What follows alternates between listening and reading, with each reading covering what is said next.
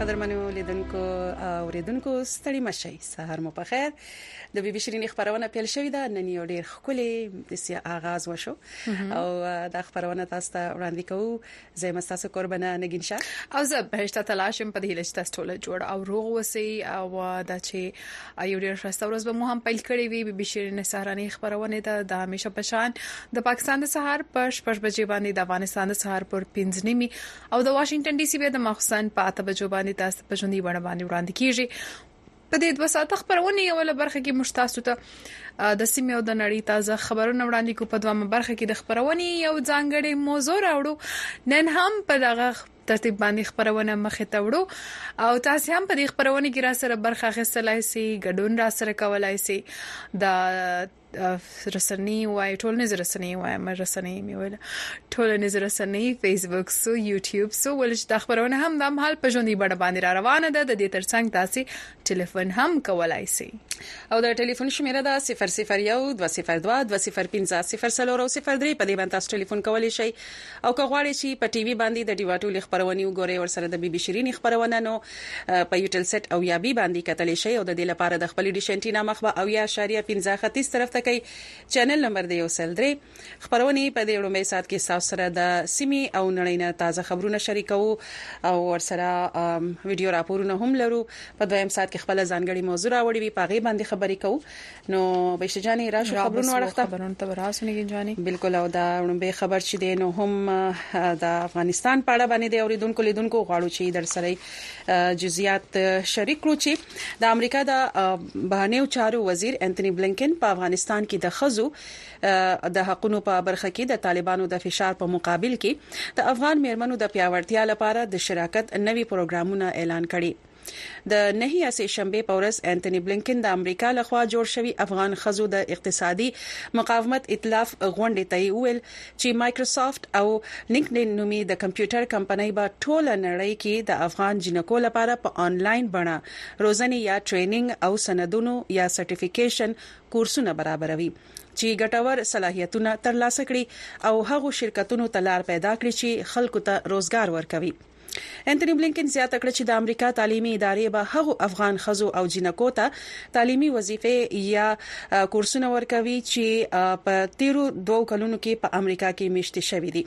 د بهرنیو چارو وزارت په دې اړه جزئیات نه دی وړاندې کړي چې کومې تعلیمي ادارې به په دې پروګرام کې شامل دي په 2020 کال کې جوړ شوی د افغان خزو د اقتصادي مقاومت ائتلاف مقصد افغانستان کې دننه او د هیواد بهر افغان میرمنو پیاوړی کول دي بلینکن په واشنگټن کې د بهرنیو چارو وزارت غونډې ته وویل موږ د مهارتونو روزنې دندو او خزینه کار کاروبار کوونکو په برخو کې پانګونه کوو هغه زیاته کړه چې دا میشن یا مقصد تر بل هر هر وخت ډیر مهم دی دا اعلان په داسې حال کې شوی چې ملګرو ملتونو رپورت ورکړی چې په تیرو دوو کلونو کې د افغان میرمنو حقوقونه په منظم ډول تر خپل لاندې شوې دي د بشري حقوقو ډلې په طالبانو تور پوري کوي چې په منظم ډول خزي له عام ژوند څخه لری کولو لاري جنسي توپیر نظام پر ځای کوي او بل لور ته بیا د امریکا په منځنۍ لویدیځ یا هم میډ ویسټرن میشیګن ایالت کې د رای ورکوونکو د نهي یا هم سه شنبه په ورځ د دیموکراتیک او ریپابلیکن ګوندونو پرایمري یعنی د ګوند د ننه د انتخاب انتخاباتو کې خپل رای کاروي تمه کیږي چې د ډیموکراټیک ګوند پرایمري به وسنۍ صدر جو بایدن او د ریپبلیکن ګوند پرایمري به پخوانی صدر ډونالد ټرمپ وګټي د 2020 صدارتي انتخاباتو کې د میشیګن مهم ایالت کې د کې جو بایدن بریا ترلاسه کړې و د بایدن او ټرمپ ترمنځ د بیا انتخابي سیالي وړاندې د دواړو امیدوارانو د ملاتړ د نشي په توګه به د پرایمري انتخاباتو کې د بریاو مارجن یا هم تناسب بنږدې څخه څارل کیږي ډونالد ترامپ د امریکا ډونالد ترامپ د امریکا 2014 صدارتي ټاکنو کې دغه کلیدي ایالت ګټلی و خو د 2020 صدارتي انتخاباتو کې جو بایدن میشیګن کې بریا ترلاسه کړې و او د ترامپ د بیا صدر جوړېدو مخه نیولې و د امریکا په امریکا کې دننه په میشیګن کې تر ټولو زیات عرب امریکایان اوسېږي او په غزا کې د حماس د وسلوالو پر ضد د اسرایل جګړې ته د بایدن د ملاتړ لوجې ځینی دیموکراتان رائے ورکوونکو ته د نهي په ورځ بایدن ته د رائے ورکولو پر ځای غیر پابند یا هم ان کمیټډ غوړه کولو غوړه کولو ویل دي د بلوچستان ساحلي ښار ګوادر او شاوخوا سیمو کې پرله پسې بارانونو او سیلابونو زیات شمیر خلک اغیزمن کړي. د ګوادر انتظامي چارواکو په وینا د سې شنبې په سهار وختي باران شروع شوی چې تر دیارلس ساعته پورې پرله پسې سل ملي مټره باران وریدلی او خلک یې له لوی مشکل سره مخ کړي. د ګوادر لیویز چارواکي د ټلیفون له لارې ډیوه ته وویل، په ګوادر کې مو بیړنیز حالت اعلان کړی، اوبه په ګوادر ښار شاوخوا سیمو کې ولاړې دي او اندازاً تر څلور فوټه زیاته اوبه دي. هر څه ناکاره دي زيات خلک بند دي لاري بندي دي سرکاري اداري مرسته کوي خو د اوبو له وجي موږ هم سمه مرسته نه شو کولي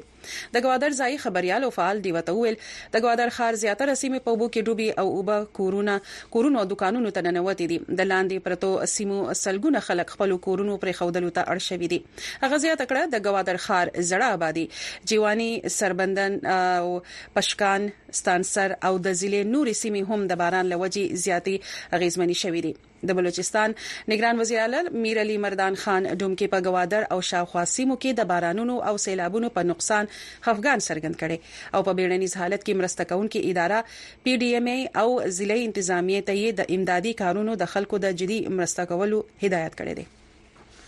او همدارنګه بل خواته بیا د ملګرو ملتونو د عمومي منشي ویاند وایي په ملګر ملتونو کې د افغانستان لپاره د ځانګړي استازي د ټاکلو پر بهیر کار روان دی خو افغان سیاستوال وایي د اکثرو افغانانو د غوښتنو په تناظر کې باید ځانګړي استازي وټاکل شي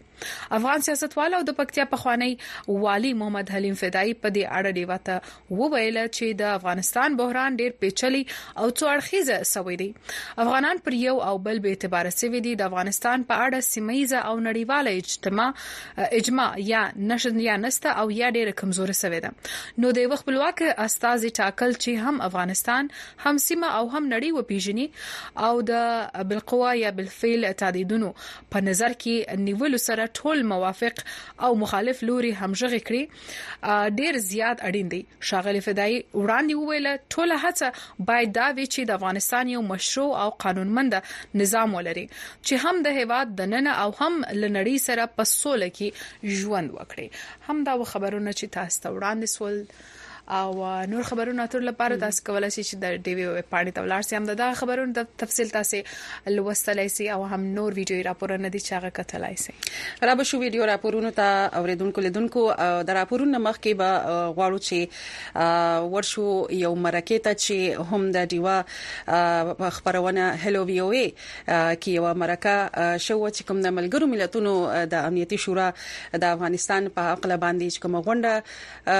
تر سره شول په هغه په حواله سره نو ورزو دی یو ویډیو ته افغانستان لپاره باید ملګرو ملتونو امنیت شورا یو داسې ځانګړي استازي وټاکي چې د افغان طالبانو سره د تعاملاتو د رسمي کېدلو او پراخېدلو پر چارو باندې بحث وکړي نړیواله ټولنه یعنې یو څوک ولري چې د هغوی په استازیتوب له طالب چارواکو سره پر دې باندې وغږیږي چې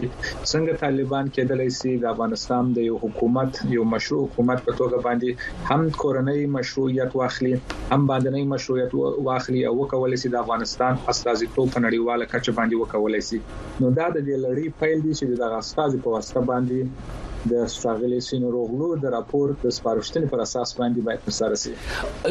داوی صاحب لګ نور وضاحت غواړم زموږ لیدونکو اوردونکو ته وشي د دې دا مطلب خو نه دی چې د ملګرو ملتونو سپیشل ریپرزینټیټیو یا نمائنده یا انوای چې دی دا و د افغانستان چارې بیا د نړۍ سره چلوي یعنی واک د افغانستان په اړه چې سم پریکړه کیږي نړیوالې یا کورنۍ دی به کوي دا د دې معنی دا خو نه ده د ځانګړي استازي منډیټ چې د تر اوسه پورې په واضح توګه باندې نه دی نهایی شوی چې د امنیت شورا د تکم واکونه ورکړي په کومه کچه باندې ورکړي څومره بودیجه ورته ټاکي څومره به دفتر پراخي په کوم ځای کې به د دفتر شتون ولري دا هغه ځانګړنې دي چې تر اوسه پورې لا پریکړه نه ده پر شوې دا د بندو دروازو شاته پرون په ملګرو ملتونو کې دا غونډه ولې یا د باس ولې کېده د امنیت شورا معمولا په حساس نړیوالو چارو کې چې کوم بحثونه کوي د استادو ترمنځ د غي پر غوښتنه باندې په خصوصي ډول باندې جلسې کوي او دا الزاما په دې معنی نه ده چې غیبه پریکړې کوي عمده پریکړې کوي د هوادونو په اړه باندې بلکې بعضي مسایل حساسي او د ملګرو ملتونو د امنیت شورا غړي غواړي خپل ترمنځ پر هغه باندې شور بحث وکړي طبیعي ده چې د ملګرو ملتونو پر چارو باندې منتقدین ستا انفرادي ډول باندې، په ګروپي ډول باندې خلک د ملګرو ملتونو د چارو پر اغېزمنتوب باندې چې ولې بعضې چارې په یو ډول باندې کوي یوې یا په بل ډول باندې نه کوي نیوکې ستا خو مهمه هغه څه دي چې پایله د دې بحثونو څه کېږي او نتیجه یې د افغانستان د خلکو د پاره څه کېږي دا به زموږ مهمه وي. خپله طالبان چې په افغانستان کې واکمن دي هغه اعتراض لري روس لري چین لري ایران لري دا اعتراضونه کوونکي ولې انکلوډینګ طالبان ولې د اعتراض لري په دې روسیه او چین پر دې باندې ټینګار کوي چې په افغانستان کې اوس یو نظام رامنځته شوی دی، د مخدره موادو مخ نیول کیږي، د تروریزم سره مبارزه کیږي، دوی هغه بشري حقونو اندیښنې چې غربي هیوادونه ډیر پر بال ورکوي هغې سره همفکره نه دي او هغه ډیر جدي نه ګڼي، فکر کوي چې هغه مسایل د سیاسي تعامل له لارې کیدلای شي په ورو ورو په اوږده مهال کې په افغانستان کې هوار شي. اما بل خواته غربي نړۍ ده چې همغیده حالات یې په راس کې دي. هغوی خو طبیعي د طالبانو سره اختلاف لري، شل کاله د دې سره جنګ جګړې کړې دي او اوس د بشري حقونو موضوع یو سیاسي موضوع ګرځولې ده او په وارو یوازې پر دغه مسایلو باندې ډیر ټینګار لري دا چې طالبان په دې منځ کې څه دریځ لري موږ تاسو ولیدل چې د دوی دریځ دا و چې د دوه دوامي غونډې ته ورنسي او په دې خاطر ورنسي چې هغه د دې شرایط د ملګرو ملتونو چې د غونډې کوربه و لاغي له خوا څخه ونه منل سول 15 هیوادونو ځانګړي استازي په دوه کې سره راغونډېدل د خپل پرمنځ د افغانستان په چارو کې غوښتل چې خبري وکړي اما د خپل په اصلي غونډه کې طالبانو ته بلنه نه ورکړي طالبان د مدني ټولنې په غونډه کې بلل و چې ګواکې طالبان او د مدني ټولنې استازي چې ډېری له غرب څخه وروستل سوي و دوی او طالبان ته په یوه کچه باندې کتل، نو طبیعي ده چې طالبان فکر کوي چې د دوی موقف د مدني ټولنو له استازو سره متفاوت دی. دوی یو برحاله حکومت لري، یو نظام لري چې ټول افغانستان یې په واک کې دی. دوی غوښتل چې د هغه پنځه ویشت استازو سره په عمومي غونډه کې ګډون ولري. واشنګټن ډي سي کې د امریکا خارجه وزارت د باسټن یونیورسټۍ سره په شریکه د یو غونډې تابیا کړې، څه موخه د. دغه د افغانستان ښځو د اقتصادي مقاومت سرمشریزه غونډه ده چې په 2022م کال کې د امریکا د باندنیو چارو وزیر د تاسیس وکړي دی غواړي چې د باندنیو چارو وزارت د امریکا د باستون د پانتون سره په ګډه باندې د افغان ښځو لپاره د کارموندنې د دوی د ملاتړ او د دوی د اقتصادي وړتیاو د لا ځواکمنولو لپاره د خصوصي سکتور په همکارۍ باندې فرصتونه رامنځته کړي چې مثلا افغان میرمنې چې په دې څو دوه کالو کې له افغانستان څخه د باندې راوتلې دي او غربي نړۍ ته راغلي دي په دې لپاره د تحصیلي بورسیو زمينه برابرول دوی ته د کار ورکولو زمينه برابرول او دا غراز د خصوصي سکتور په مرسته باندې د نن په افغانستان کې د شوزو د اقتصادي ظرفیتونو د لوړولو لپاره چې دوی ته یو ګل ډوډۍ پیدا شي او دوی خپل پر ځان باندې متکی شي دغه فرصتونه را برابرول چې هم حکومتونه او هم خصوصي سکتور په ګډه سره کار وکړي دغه د پاره یو نوښت دی چې نن موږ پر دې بحث کوي د ډي وی لیدونکو تاسو د ډي وی ویب پاڼه په خپل موبایلونو کې د ان ټي ایچ لینک اپ د لارې خلاصولای شئ د دې طریقه به تاسو خو یو چې تاسو په آی فون او په انډراید فون باندې څنګه کولای شئ چې داغه اپ ډاونلوډ کړئ او له هغه ځای څخه د ډي وی ویب پاڼه وګورئ د ان ټي ایچ لینک اپ ډاونلوډولو لپاره که تاسو سره آیفون وي نو تاسو خپل اپل سٹور پرانځئ او که له تاسو سره انډراید فون وي نو تاسو ګوګل سٹور پرانځئ له هغه وروسته لټون کې ان ټي ایچ لینک ولیکئ او دغه اپ ډاونلوډ کړئ په دویم پړاو کې د آی اګری تڼۍ کېکاږئ او بیا د فلګ لاندې د کنیکټ تڼۍ کېکاږئ او په دریم پړاو کې بیا د اوکی تڼۍ یا بټن کېکاږئ له کنیکټېدو وروسته تاسو د دې ویب پاڼه پرانیزئ او د خپلې خوښې خپرونې وګورئ او له هغه ځایه تاسو کولی شئ چې د خپلې خوښې ټول پروګرامونه ریپورتونه او لیکنې ولولئ او وګورئ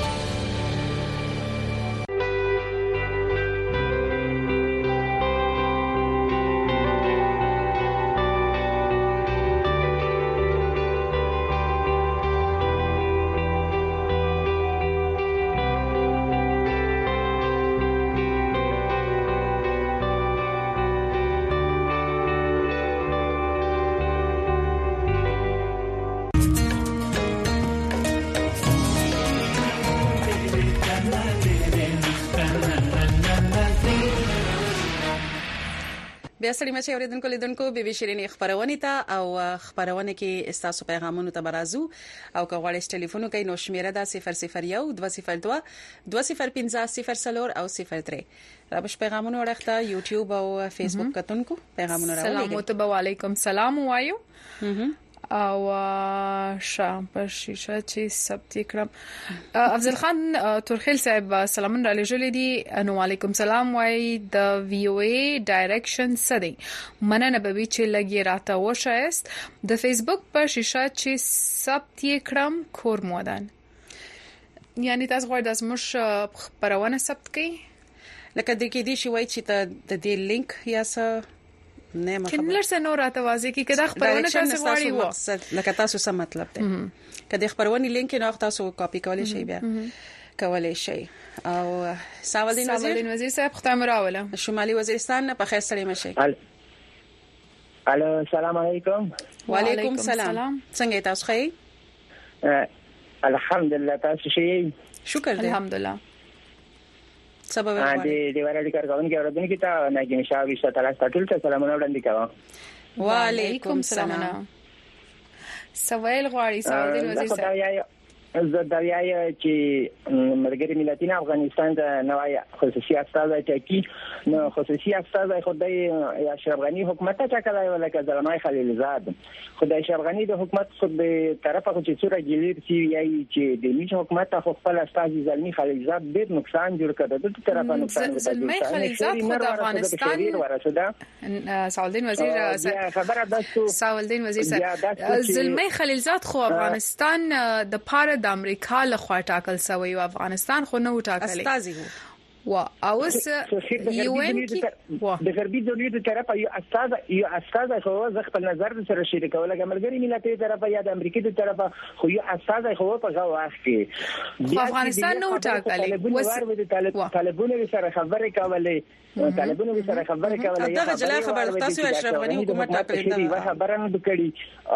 دا خبره ده چې مو پښتنه دادو ته ملما روغای په د برګبرن کې یا په بل کې چې د یو خبرې واور د نور طالبونو ته نو یا تاسو بند څه اعتبار وکړو ویل په دا چې خو د اشرف غنی حکومت په خیر بند خبرې نه دی کړی اشرف غنی حکومت ورنه ګیلې کوي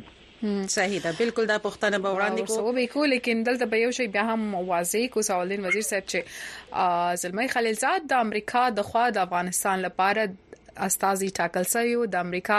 په نمائندګي باندې افغانستان د حکومت لخوا سم نه وټاکل شوی او اوس چې څه خبر روانه ده هغه د دې چې په ملګر ملتونو کې د افغانستان نمائندګي به څوک کوي نو دلته به دغه تفکیک باید وکړو چې دغه ډیره مننه تاسو بیا ډیره مننه شورز ولري او رابش پیغامونو ته مې عبدالرحمن صاحب سلامونه را لګلې دي او تاسو وایي چې چی نه ظلم نه ستم او نه وژل وی ربه داسی دنیا جوړه کړه چی لاړ شو وای پرون په باجوړ کی یو ځل بیا دوطن کی ځوانان ډیر په بی دردی نامعلومه کسانو د لاسه قتل شو وای مونږ د بیړنی مشکلاتو او خطراتو نه نه بلکی د خپل اندرونی کمزورو او اختلافاتو د وجی نه د بدحالی او مشکلاتو سره مخ یو په لاره کی چی هر څومره ګټی پرتی وی خو مضبوطی سپلای پخپلو کې پخپو کې اچولو سره سفر نه ودرېږي خو که په سپلای کې دننه ورکوټه غوندې کانې هم داخل شي نو په هواره لار باندې هم سفر کول ګران شي سو پوری چې د کانې د سپلای نه نه ویل لري کړی شي ډیراله نو دا واقعي لکه یو دغه خبره ده کنه چې لکه بهر هغه بهر هغه دغه خو به تو بیا ملاړ شي خو چې په سپلای کې دنه دغه یې کنه نو هغه ریاض افریدی هم پیغام را لېږلی دی سلامونه ته وعلیکم سلام وای زه د خیبر ضلع نه مخوندو تاسو پروګرام روزانه اورم بهترین معلومات نه حاصلوم تاسو د پر اسره د پر اسره خبرونو نه متاثر یم ځکه نو نسم کولای چې تاسو پروګرام و نه اورم دعاګوی مه چی الله پاک مو په عمر کښی برکت واچوه خوندو پښتانه د شوزو سره ډیر ظلم کوي په وراثت کښی خو یې بیخي پرېږدینه او برخه نه دی ورکړي او چې پرنګ رنګ طریقو یې د خويندو حق وهلې دي ملایان عالمان هم په دې موضوع چپ پاتې سوي دي سیاسي برادری هم د شوزو د حقوقو ذکرونه کوي چې دا ډیره خطرناک خبره ده یو بیت ازر عرض کوم چې آفتونه په بار بار وهلي پښتون د خور او لور ازار وهلي لال مرجان د کورمینه ټلیفون کړی دی تاسو تر کړی وای په خیر سره مشه لال مرجان صاحب السلام السلام علیکم مننه لګین شوی څنګه یې ته وعلیکم السلام شکر دې تاسو ښه خیر دی بالکل زبردست او باشته بي بي خنن ګیټ اپ بدل کړی بس چرته هغه ورځ دغه سیلر سه انسان غواړي چې ځان تغیر تغیرات شدي په ژوند کې نه نه ماشاءالله نن خو ډیر زبردست خسته ښکاری به اشتوي لا مجارورا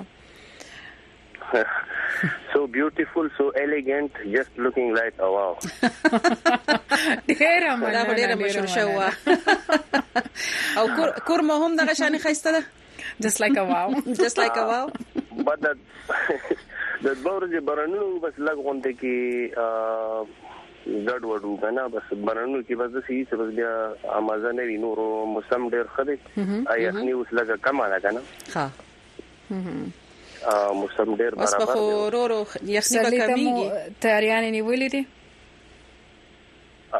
بالکل بالکل د سیوا اوس یخني خو شو لزکه دلته دومره یخني وي چې دلته واوري د سیوا او بچ کوم دي دا فریش شي واوري شي ها نو ټول خبره د زکام او د تبه او دا حساب کتاب ډیر وي او کنه دا یخ موسم سره خدا هر صحیح او بیا په داسې موسم کې ځان خاص ساتلم ډیر مهم دی او دا چې سره برنونه لګو درې کې نه بیا منورم سره موسم خوشي او ګرمي روزې نه بعد وس کوم دی روزې پورې هو بده سي موسم دلته یې خې کورما کی وو هغه غریزه سیمه د نو موسم میداني سیمو په نسبت چې دینو لکوټه یخ وي تاسو نګن شوی بل کا موضوع نه ده کړی فیسبوک باندې مول پیج باندې هونه اکثر تاسو پیج باندې ورکوي چې د کوم بس اوس په لګ لندو شی بو کې بلندو شی بو کې به ورکو هم وګوري دا راته انتخاباتو په حق لبانی د کور مې نه سمره خلک راوته و ووټونه اچولي تاسو کتلی تاسو په خپل باندې تلی وی ووټ مو اچولي بیا د میرمنو خبر راته وکړي چې سمره میرمنی تلی وی ووټونه اچولي و خپل رائے ورکولي و ورکارولي و یاره نګدي صاحب به د نو مخ کې څومره هم خلکو په ټونو کې په پونه کې برخه غستا کنه کاغه درینو کاغه خزینه وی کنه د ځل کدر ته وایم چې کور مینه تقریبا ته وګوایم چې یو دیش کې صد خلکو ووټ اچولی نور خلک چې کوم دي هغه ووټونه نه دي اچولي ها ولې ستونزه چیرې و ولې خلک ووټونه نه دي کارولي رائے سه استفاده نه ده کړې لکه د حکومتونو د کوم پالیسيان دي او بس د خلکو زړونه مات شي دي کنه خلکو ته د ښکاری چیرې زیاتې کیږي مطلب دلته کې کوم حالات روان دي دا څه کوم دی یو سلیکشن غونډه دی الیکشن نه دی وایي نه بس خلکو زونه ماتي خزینه خل خزو خو بالکل پکې د څه خاص برخه نه ورسې کنه ما په خپل موټ نه وچول نو ما خو خیر طبيعت ټیک دا و کنه زه بیمار وم خو بیا ما لکه چې وکتل نو د ډیر فیصد یا 40 فیصد خلکو به ووټ اچولې نور نه دی اچولې خو الیکشن کمیشن خو همیشه د دې انکار کړی دی چې په ووټونه چې دی لکه په الیکشن کې دانلی نه ده شوی شفاف شاف سوت صاف او شفاف شفاف ووټونه شوی نه نه نه نه شفاف ما په نشته دومره دانلی په یو د ټول عمر کې لکه ما څومره عمر دی او زه د سوزنې ما الیکشن کتلې دي کنه ما ووټونه چولې دي دومره خراب الیکشن څه تم نه وشو نو بس نو څه هیلي لرئ چي که هر څه د الیکشن خوست ترسره شو د نوي حکومت نه چي راروان کله حکومت وفاقي وټاکل شي او بیا د صوبايي حکومت څه هیلي لرئ څه امیدونه شته چي په حالات کي به څه بدلون راولي. یاره نګن شوی بی نو ایکسپیکټیشن نو خو څه پر هیڅ توقع نه لرو او خدای دې وکړي لکه بیا د آینده لپاره یاره امید بلرو که چېرته سی خو حکومت یا خلک راشي نه هغو مفاداتو نه لږ سایډ ته شي او لږ سوچ وکړي ځکه چې هر یو سړی خپل مفاداتو کې لګیا وي څنګه کوم طرف نه وي وانه وکي او خبره پیسې ځان ته وایي ځکه چې دلته کې سیټونه میټونه په غټو غټو پیسو خرچي نه او بیا چاته څه کارونه وکي سمه ده نو ډیره مننه تاسو د ټلیفون کولو او خپل نظر شریک مننه خورز ولري خورز ولري لال مرجان صاحب را به شو بل راپورونه هم لرو او پیغامونه به هم شریکو چې رزیمه او دا راپور هم چې د اسلام آباد څخه د ډیوی همکاري رابیا پیراته چمتو کړی دی چې د جرنالستانو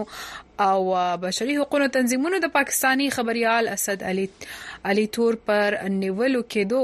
اندیشنې څرګندې کړې دي او د هغه د ازادي غوښتنه کړې ده نور تفصيل تاسو ته په دغه راپور کې وړاندې کوم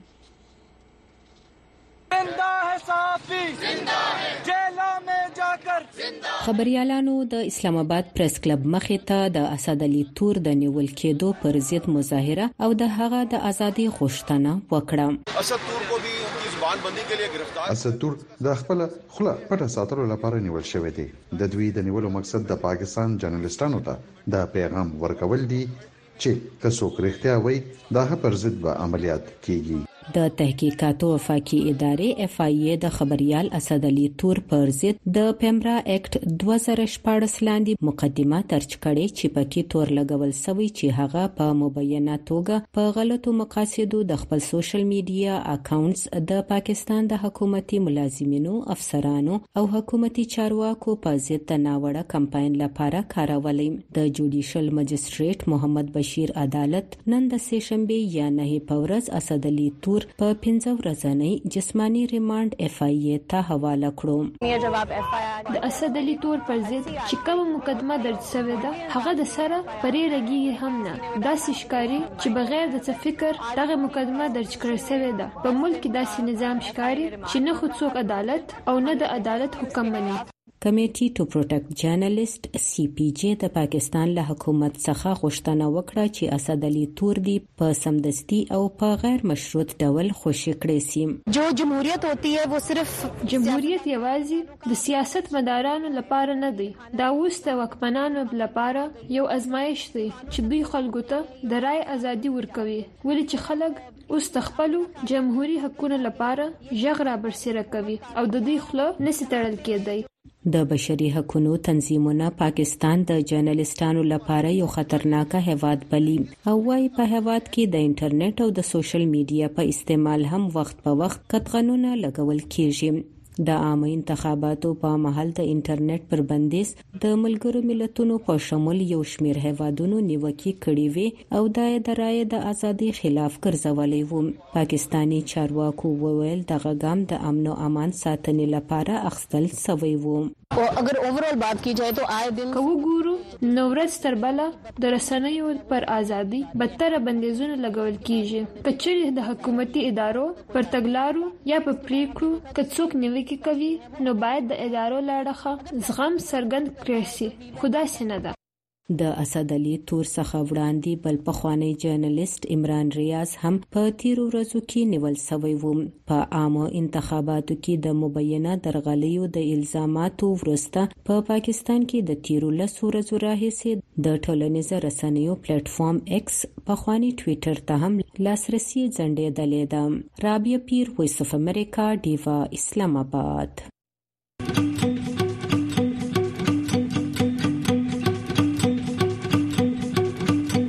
ویو ډیوا په سټلایټ ټي وي هر ورځ سلیویریش ساته په دیشنټینا تاسو په یو ټل سټلایټ په ټي وي تازه تولا او به تر په خبرونه بحثونه او سیړنی کتلې او اوریدلې شي د یو ټل سټلایټ فریکوئنسي یا سبې او یا بي او یا اشاریه 15 ایست